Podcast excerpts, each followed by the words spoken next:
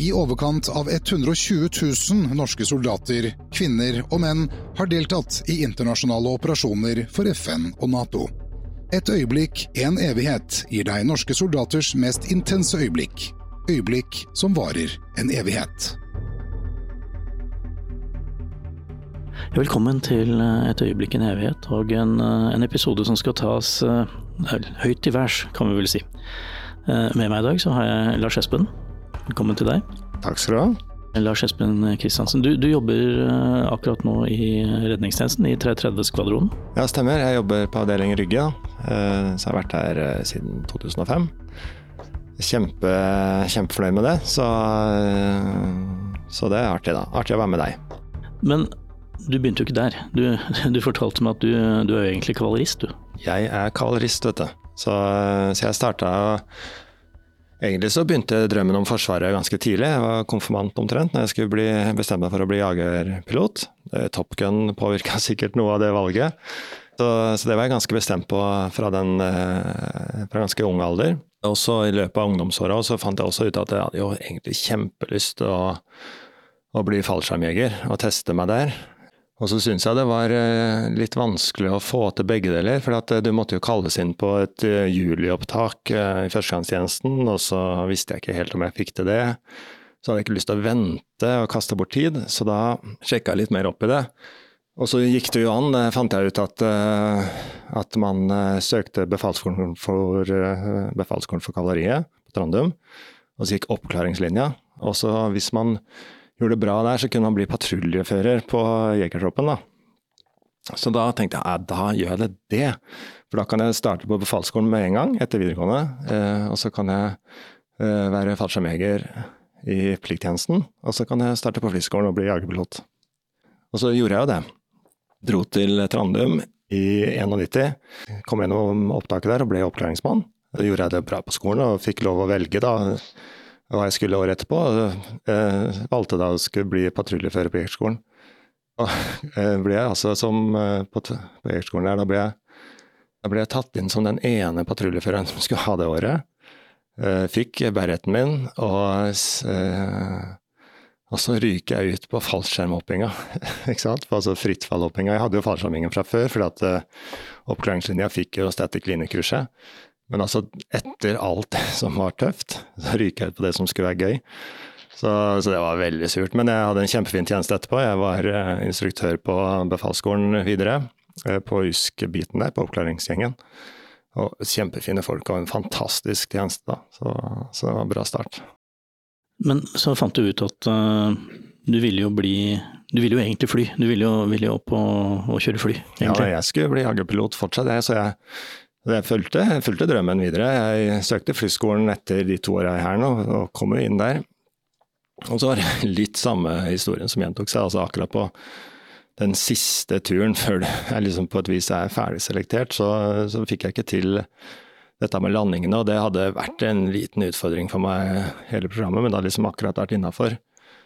Og så, så da jeg, eller stryker jeg den siste turen der. og og det var litt det samme sånn refleksjonen etterpå, så er det litt det samme som går igjen. Jeg var ganske god i huet da, jeg var god på det derre om det er å presse X eller å fly et fly sånn som det står i boka, eller sånn det blir forklart. Men det jeg ikke var like god på, eller kanskje ikke er like god på, er den der følelsen du må ha.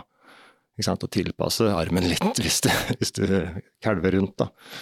Du, du, du, fant rett og slett ikke ut den, den, den, indre, den, indre, fuglen i deg kom ikke fram? Nei, den indre fuglen min er ganske dårlig utvikla, så, så huet funka da. Så derfor fikk jeg tilbud om å bli navigatør. Jeg fikk ikke noe ansvar for å styre noen ting, men fikk lov å være med å tenke og samarbeide med et crew. da. Så det, det, visste jeg ikke hva var i det hele tatt, men jeg tenkte jeg skulle la det få en sjanse, og så resten er historie. Ja, Du fortalte at du, du ble sendt til Andøya, du fikk engasjement der? Ja, stemmer. Det er jo en kjempespennende utdannelse først. Jeg hadde ett år på krigsskolen, det var ikke så gøy, men det var eh, veldig viktig, viktig for meg på andre ting som jeg egentlig oppdaga seinere, for sånn mellommenneskelig utvikling og sånn. Kjempe, kjempenyttig. Kom inn som ganske rigid herremann og trengte nok litt avslipning, tror jeg. Så det, det var nok sunt. Um, og så hadde jeg jo nesten to år i Statene eh, på utdannelse der. Eh, fantastisk tid sammen med fine folk. Så det var en kjempefin start. Og så dro vi til Andøya på Orion, da. var der oppe fire og et halvt år. To av de som taco, eller som sånn taktisk koordinator om bord. Altså han som er poteten om bord, han som delegerer eh, oppgaver mellom ekspertene, da. Så, så, det var også en fantastisk fin tjeneste. og jeg var ikke noe spesielt glad i det når jeg var der. Altså jobben, da. Jeg likte miljøet og jeg likte Nord-Norge veldig godt. Eh, men ikke jobben. Det var vanskelig og det var komplisert og det utfordra huet litt. Men eh, det ga liksom ikke noe mening. Jeg måtte bli voksen for å skjønne viktigheten av det de gjør der oppe. Altså, de har jo kanskje noen av Norges viktigste jobber, da, sånn strategisk og både forsvarsmessig, men også politisk. Så, så, jeg var nok litt ung der oppe. Jeg hadde kjempefin tid da. Kjempe, kjempeartig. Og så kommer vi til uh, noe du fortalte tidligere er uh, liksom en sånn hovedgreie for deg. Du, du dro til Tyskland. Ja, det var en uh, Det var egentlig litt flaks, for det var en jobb som var ganske vanskelig å få som ung. Jeg var fortsatt ung på den tida, i 2001. da. Så, men så var det ikke noen andre søkere det året, og så fikk jeg den jobben i Tyskland. Og den eh, jobben der var en del av Flightdeck, jeg var ikke en del av Mission Crew der. Og da dreide seg som taco fra Orion ned. Å være flight planner og egentlig bare få de som skal gjøre jobben, på plass. Eh, det virka litt sånn litt givende, men eh, det å få lov å jobbe i et sånt miljø, 13 nasjoner, Eh, sånne baser over hele Europa der vi opererte ut fra. Tyrkere og grekere i samme cockpit. Altså, det var en helt fantastisk opplevelse. Vi snakker, vi snakker om AVAX her? AVAX, ja. Luftovervåkningssystemet til Nato. Altså den eneste, i hvert fall da var den eneste fellesstyrken som var stående hele tiden. Fløy operasjoner der det trengtes. Og da jeg kom så var det jo midt i Balkan, ikke sant? så det var masse operasjoner der inne. Ja, flere fløy over eh, de urolige områdene som, eh, som var i kjølvannet av borgerkrigen i tidligere Jugoslavia. Ja, all sånn luftstøtte til det. ikke sant? For Så fort det er luftoperasjoner i Nato, om det er, eh, så drar medlemslandet ut, da ønsker de overvåkning. Og da sender de AVAX-en etter. Kan, kan, vi si at Avex på en måte er uh, de som har det virkelige fuglesperspektivet over ting? Altså det er dere som ser um, Alle snakker om helikopterperspektiv, men dere er vel enda høyere? Ja, ja, vi ligger kjempe, det er som passasjerfly. Det er jo sånn Boeing 707 som vi ligger over 30 000 fot. Og det de gjør, er at de flytter jo bare en sånn eh, kontroll-varsling-radar frem dit det trengs. Og så får de dekning eh, over fly, eh, og i disse teaterne vi har vært, så er det stort sett egne fly du må passe på. da. Det har ikke vært noe sånt særlig fiendtlige fly vi har sett etter. Men du koordinerer egne styrker og får dem inn, og så kan du få dem i de korridorene det skal være, og koordinere med tanking og alt sånn. Og så er det jo det, luftrommet i Europa og USA vanligvis er jo supertett, ikke sant. Så dette er kjempe, kjempeflinke operatører da, som, eh, som opererer det. Men hvis jeg regner riktig nå, du sier du kom til Tyskland eh, og blei satt inn etter sånn i august 2001? Ja, stemmer. Jeg dro ned i mars, og så var jeg ferdig utsjekka i august 2001. Og så i 2001 så har vi jo noe rart som heter 11. september, så det var rett etter at du kom ned? Ja, det var, det var helt uh, Det var en måned etter jeg sjekka ut. Jeg husker vi var depolert til Canada på en øvelse der. Så sto vi der borte med Vi skulle akkurat eh, pakke sammen og reise hjem. Vi hadde vært der i to uker. Uh, og så står vi sikkert 20 stykker i lobbyen til uh, hotellet der, og så ser vi, ser vi det som skjer i New York, da.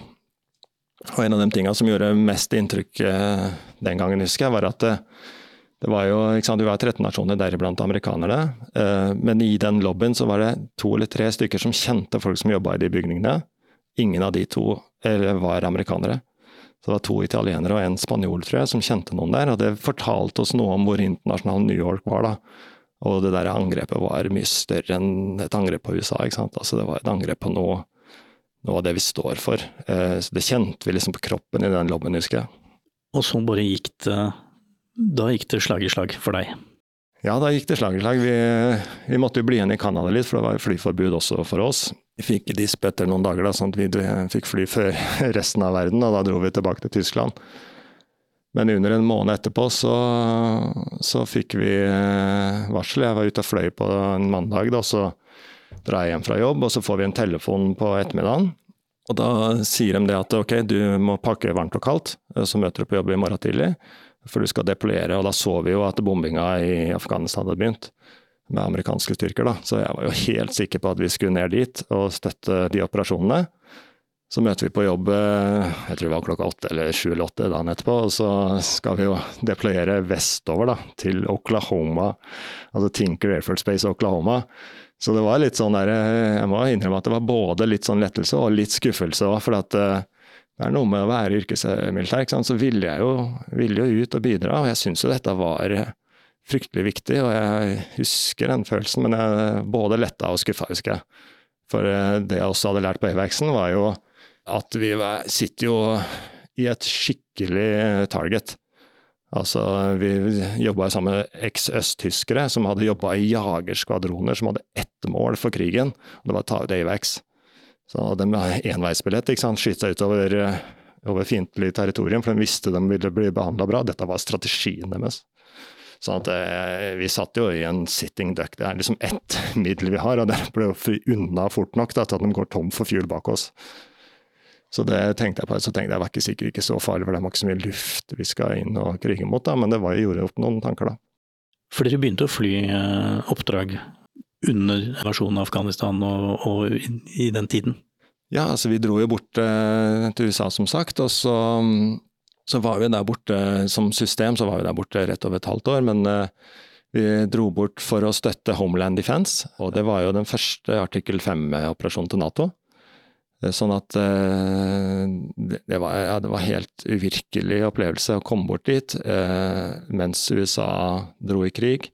Kom bort for å altså, drive forsvar av den amerikanske befolkningen. Og den takknemligheten og den, det møtet vi fikk med vanlige folk der, altså det, det gjorde meg skikkelig skikkelig stolt av å være militær for første gang. Sånn liksom Rollen som militær ble verdsatt som bare amerikanere kan. Så det var veldig flott. Og, så vi var der borte, fløy masse. Det var eh, tolvtimers uh, mission, som var en standardtur. Og så var vi på sånn, noe som vi kalte contingency, da, sånn at vi kunne fly lenger. Så den lengste turen vi fløy, var rett over 17 timer. Så det var lange dager, og så var det Det var et sånn trecruskift som vi, vi fløy, og så fløy amerikanerne det fjerde. Så vi fløy? Altså Hver sjette time da, så skulle vi ha en on-station slot, for det var en ganske lang transit bort til østkysten som vi skulle dekke. Men uh, den tyske, tyske arbeiderforeningene, altså disse her, eh, organisasjonene, mente at det ville vært så urettferdig da, hvis du kom bort og bare skulle fly natt, eller noen bare skulle fly dag. Så dette måtte vi fordele. da, så Hver tredje dag så skifta vi døgnet seks timer for at arbeidsorganisasjonene skulle bli fornøyd. da. Så da satt vi og var jo så skrudd i huet ikke sant? etter en måned sånn med seks timer hver tredje dag, sånn forsyning av døgnet. Kont kontinuerlig jetlag? Ja, ordentlig, ordentlig, da. Så, så, det er klart det var jo det var lange dager og krevende, men det var også fryktelig fryktelig meningsfullt. Så jeg var der borte i tre runder på de sju månedene systemet var der. Jeg var singel og klar, så jeg reiste så ofte jeg kunne. Du fortalte også at uh, Afghanistan er jo et kapittel, og vi vet jo både hvordan det startet og hvordan det sluttet. Men så var det jo en annen krig midt inni der, som kanskje var litt mer, hva skal jeg si for noe, litt uh, vanskeligere å forholde seg til? Ja, det, det var jo invasjonen av Irak, og det som skjedde i forkant av invasjonen av Irak, var at Tyrkia følte seg trua, litt som, som du sa i stad, sånn som Polen har gjort nå. og da ba dem eh, om hjelp gjennom artikkel fire i eh, Nato-pakten, eller Nato-traktaten. Og da skal jo medlemslandene møtes og skal vi snakke litt om det, og så skal vi bli enige om hva vi kan gjøre for å bistå den der frykten da, om man er berettiget eller ikke. Og det de fant ut i, i 2003, når uh, Tyrkia ba om assistanse, var at da skulle de også iverksette den første artikkel 4-operasjonen til Nato. Så da sendte de Mayvaxen ned til en base vi vanligvis brukte i Tyrkia, uh, Konya. Og så lå vi uh, fra februar i 2003 eh, og fløy overvåkning i det luftrommet. I tillegg så sendte de noe sånne NBC-gjeng og noen andre som bakkeutstyr, men vi lå der noen måneder, da. Og Det som også skjedde en måned etterpå, var jo invasjonen av Irak. Det lå jo litt i kortene før. Det var store demonstrasjoner over hele verden i forhold til den invasjonen. Den skjedde jo for fullt en måned etterpå. og Da fløy vi artikkel 4, altså forsvaret av Tyrkia, eh, som en helt annen greie, ikke sant. Ja, For dere var jo ikke involvert i altså angrepet på Irak, invasjonen av Irak, i det hele tatt. Dere var jo, dere var jo Nato, og NATO, NATO, var ikke med i den konflikten? Nei, Nato var ikke med, ikke, ikke som system i det hele tatt. Og vi respekterte jo det som Tyrkia følte på, ikke sant? at de ikke skulle bli utsatt. da. Sånn, eh, så vi lå der og fløy i overvåkning og har satt med en kjemperessurs på luftressurser og, og, og luftbilde. Også innover Irak, for det var det vi skulle tross alt skulle dekke. Eh, og med amerikanere om bord. Så, så, jeg husker veldig godt at en del av de amerikanerne syntes det var kjempevanskelig at ikke vi kunne dele den informasjonen med invasjonsstyrkene. Ja, jeg husker den men eh, jeg husker også samtidig at, at, vi var, at det var ikke veldig tydelig beskjed at de rollene skulle vi ikke mikse. Uh, så var ikke jeg involvert i de mission-bitene så mye der, men jeg husker beskjedene vi fikk, og det var ikke noe som helst tvil, at vi måtte holde informasjonen vår intern. Tenker du sånn i retroperspektiv nå, som du har gått over en helt annen rolle, og tilbake på de rollene dere hadde i disse konfliktene og den måten du gjorde det på, tenker du at dere gjorde en forskjell? Dere gjorde noe bra nå? Ja, altså, det, det som er, Systemet er kjempeviktig. Altså, Nato drakk i krig uten luftherredømme. ikke sant? Altså, vi, eh, og uten AVAX eller overvåkningsfly så, så, kan du ikke ha ordentlig kontroll i luften. Så, så, det er ikke noe som helst tvil om at uh, oppdraget AVAXen har, eller som jeg var en del av der, er kjempeviktig så er jo um, så er det jo sånn at ofte i de konfliktområdene så har du ikke annen radardekning. Altså, du må fly inn, eller altså, bygge noe, da, altså midler til noe sånt, og, og da putte en radar i 30 000 fot. Ikke sant? Du får et dekningsområde som er utrolig stort og veldig givende, og så får du kjempeproffe operatører om bord. Så militære operatører kan jo militære system og kan kodeord og sånt, så så jeg tenker at AVAX-en er helt avgjørende. Og så kom, som jeg sier, jeg tror det var 27 UAF-radioer om bord. Altså, det, er, det er en ressurs for eh, både luft og bakke som ikke kan sammenlignes med noe annet.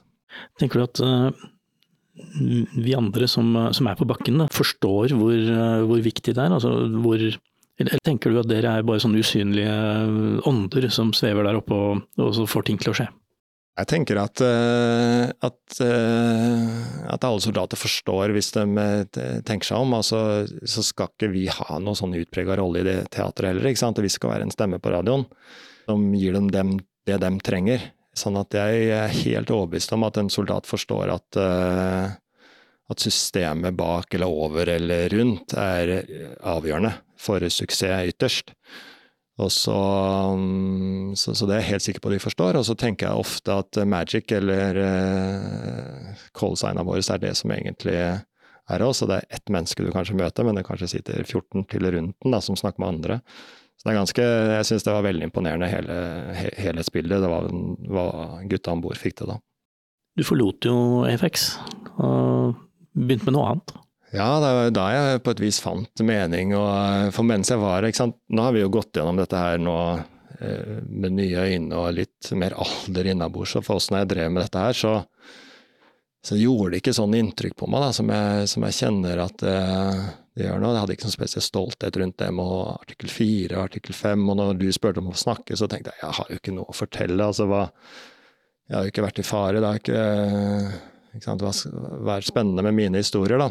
Så, så, det var først når jeg begynte å repetere litt, at dette er jo, det er jo det har jo vært litt artig å være en del av. For, for etterpå, da, etter 2005, så begynte jeg i redningstjenesten, og da fant jeg jo noe jeg hadde savna i Forsvaret. Altså mening og direkte tilbakemelding og et oppdrag som eh, mennesker forsto, ikke minst.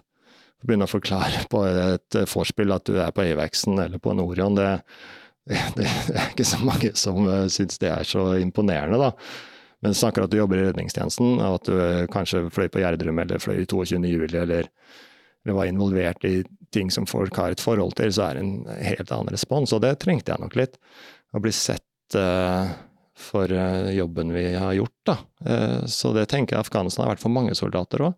At det har gitt forsvarsansatte en arena til å, til å vise at vi er ganske flinke, da, som system. Eh, så det, for meg så har det redningstjenesten vært helt fantastisk. Det er masse av identiteten min er blitt putta inn i det, og masse av stoltheten. Og Derfor blir disse andre tinga litt borte, men det er flott at du tok det opp igjen, for da fikk jeg kjent litt på det. Skal vi snakke litt om redningstjenesten? Altså, du har vært med der såpass lenge, så du, du har fått med deg mye av historien der. Og er det noen spesielle hendelser som du aldri klarer å bli kvitt? Ja, det er, det er mange. Altså Til å begynne med, det som jeg husker um, Det jeg husker jeg var spent på, for jeg hadde aldri sett et dødt menneske før jeg kom i redningstjenesten. Aldri sett noen som var død. Så det tenkte jeg åssen i all verden det skulle bli. Så det, det grua meg litt til. Jeg var litt spent uh, og skeptisk. Og så, og så husker jeg husker jeg det første gang jeg så det, det var, gjorde ikke noe inntrykk i det hele tatt. Det var, uh, det var veldig lite uh, der. Så, så, det som gjorde inntrykk, var historiene ofte. Altså, jeg husker et av de første oppdragene jeg var på. Det, var en, en trafikkulykke. Jeg skal ikke si så mye hvor og hvorledes, men altså, det var en trafikkulykke men, der en familie hadde sittet i. Treffer semistreidere. Du kan bare forestille deg hvordan dette så ut. ikke sant? Altså, det var en uh, feriebil som var spredd utover 150 meter. Du ser, du ser på alt som ligger i veien der, at dette er en ferie som, eller en familie som var på tur. Det er én overlevende av de fire som var i bilen, og så er det en, eh, et barn som fortsatt var hjemme. Og de historiene i det, altså den derre tragedien i det, det er sånn som gjorde inntrykk. Jeg husker det var flere år etterpå, hvis jeg så samme type bil, så fikk jeg gåsehud. Så da Ja, så har 330 eh, masse, masse fine folk som har eh, samme opplevelse, så bor vi sammen. Jeg hadde en redningsmann Kai Henning Bjøring, det er fint å anerkjenne han òg, han tok vare på meg i flere år. Så vi snakka om det jevnlig. Og så er det ikke sånn du tenker at ok, nå fikk jeg ikke sove om natta, sånn, det var ikke noen sånne ting. Men jeg tror sånn belastning som man får, om det er ute eller hjemme, da, hvis det er ytterst, så bygger det seg opp over tid. Og hvis du ikke får snakka om det med folk som forstår, så tror jeg ikke det er bra. Nei, det, det, er de samme mekanismene vi snakker om her som det har vært veldig fokus på i veteranmiljøene, om å få riktig debrief og få lufta det ut og egentlig få en slags sånn jevn samtaleterapi over tid. Ja, ikke sant, og så normalisere det som skjer i seg selv, da. At det, ikke, at det er helt normalt. Altså, vi er ikke Vi er i selekterte forsvaret, så er det et vanlig menneske, ikke sant. Altså, du er eh, noen av oss er litt mer sånn, og noen er litt mer sånn. Altså, men, men, du er ikke syk i utgangspunktet. Å sykeliggjøre normale reaksjoner, det er det dummeste vi gjør, og det kan andre hjelpe oss med å forstå at det ikke er. ikke sant? Og spesielt hvis vi er litt flinke og gjør det litt tidlig, da. Sånn at vi ikke får lov å grave oss ned i vår egen eh, eh, selvpisking, da, som vi driver med en del av oss. Men er det sånn, du har vært på et, eh, et oppdrag, kanskje sett, fått inntrykk sånn som du akkurat beskrev. Er det noe da annerledes neste gang du setter deg i stolen i cockpit, fordi hver gang dere skal ut, så er det et eller annet som har skjedd? Ja, nei, det, det, for meg så har ikke det vært noe sånn store, stort problem. Jeg, jeg tror jeg er, som mange i de yrkene vi har, altså selektert litt på det at når, når det blir stress, altså når ting blir viktig, så gjør du jobben din. Og så reagerer du etterpå. Eh, og hvis du kan gjøre det samme med folk, sånn som vi gjør her, så er det det desidert beste.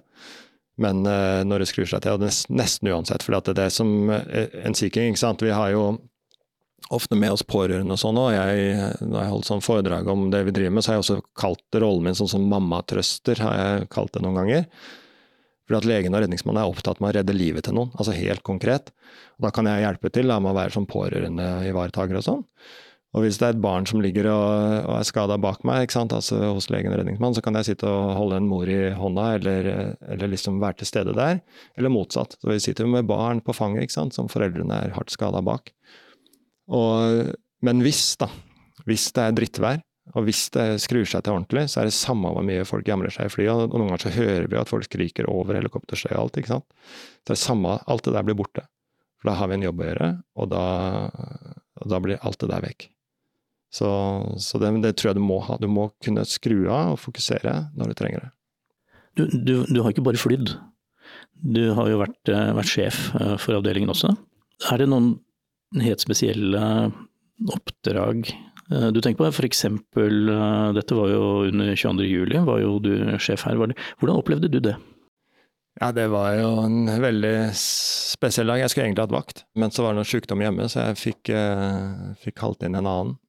Og så er det jo som alle andre nordmenn vet jo hva du dreier med da. Jeg husker jeg satt og så på Tour de France, og, og så skjer det jo som brudd i sendingen, og så, og så, finner vi ut at det var en bombe i Oslo, og vi er helt sikre på at det var en gasseksplosjon først. Og, og Sea blir jo sendt inn. Så crewet da lander jo i Oslo, og så sender de legeredningsmann ned til akuttmottakene for å hjelpe til i mottak der. Og så dukker jo det på Utøya opp. Og da eh, blir crewet som, eller blitt sendt eh, tilbake til helikopteret, og så flyr de opp dit. Jeg var ikke veldig involvert i det der oppe, annet enn at jeg hadde en jevnlig dialog med fartssjefen min det, den dagen, og det gjorde veldig inntrykk på, på alle nordmenn. Og, Men altså vi som satt og fikk litt inntil om hva som eh, så for oss, eh, eller hva de trodde var der ute, og hva risiko analysene var. ikke sant? Altså det er jo, syns jeg, er blitt veldig borte i etterkant, da, hvor, eh, hvor, feil de der første rapportene egentlig var. På hvor mange gjerningsmenn det var, og at det var rigga eksplosiver. ikke sant? Altså det, var, var ganske skummelt scenario da, å gå, å gå blindt inn i. Sånn at det, det følte vi på. Men det som, jeg, som gjorde sterkest inntrykk som sjef, altså det var jo når crewet kom hjem, for da hadde de vært ute hele dagen, og jeg hadde satt i gang en liten sånn mottak og et nytt crew som skulle ta over vakt og sånn. Og, det, og, da kom det altså seks spøkelser, sånn som jeg husker det, eh, over line etter man hadde landa. Så det har vært en forferdelig sterk opplevelse for dem hele den dagen. Og så satte de seg og debrifa, vi snakka litt, og vi fikk veldig god støtte av eh, av sjefene våre eh, også, sånn at eh, Så vi ble godt ivaretatt. Eh, og crewet hadde sånn halvårlige treff for å prate liksom om opplevelsen etterpå. Det som var som er borte i de historiene der, at det var andre gangen den sommeren at jeg så et crew sånn som det. Og 22. juli har alle et forhold til, ikke sant. Men sånne oppdrag som For det var noen ribbulykker, og veldig stygge ribbulykker det året òg. Sånne oppdrag skjer hvert år på 330. Ikke så store som 22. juli, men som påvirker crewet eh, altså fundamentalt. da. Så det, det, gjorde meg veldig ydmyk overfor hva du egentlig leder. At det her må du ta på alvor. Altså ivaretakelsen av eh, gutta og jentene dine. Mange av oss tenker jo ikke akkurat på dere til daglig, men når dere først eh, er i media, når dere først kommer i søkelyset, så er det jo gjerne i forbindelse med ganske voldsomme hendelser, f.eks. Gjerdrum. Eh, hvor, hvor dere holdt jo på i timevis? Ja, i dagevis. Uh, igjen så var jeg kalt, da var jeg ikke sjef lenger. Da ble jeg kalt inn på nyttårsaften og skulle egentlig fly liksom de siste, uh, siste der, men så var det ikke noe det var ikke noe for oss å gjøre der lenger da. Jeg var på det andre raset, som ikke ble like stor ståhei, ikke sant, der to, to utenlandske arbeidere omkom. Og, og, det er noe med det å fly på 330 og møte moder natur, sånn som vi gjør. Altså, det er mektig. Altså, du er så liten. Vi flyr svært helikopter, og vi liksom syns vi er litt uh, svære der vi farter rundt. Men uh, i møte med naturen, om det er 20 meter bølger, eller det er 1000 meter veggene, eller leirer som Altså, det gjør voldsomme inntrykk. Da skjønner vi at vi bare er her på nåde, altså. Så det, det, er, det er stort. Dette er en av mange unike historier om selvoppofrelse og mot fra våre soldater. Her lar vi soldatene selv fortelle om de intense øyeblikkene, akkurat slik de opplevde det. Historier som rett og slett er blitt et øyeblikk, en evighet.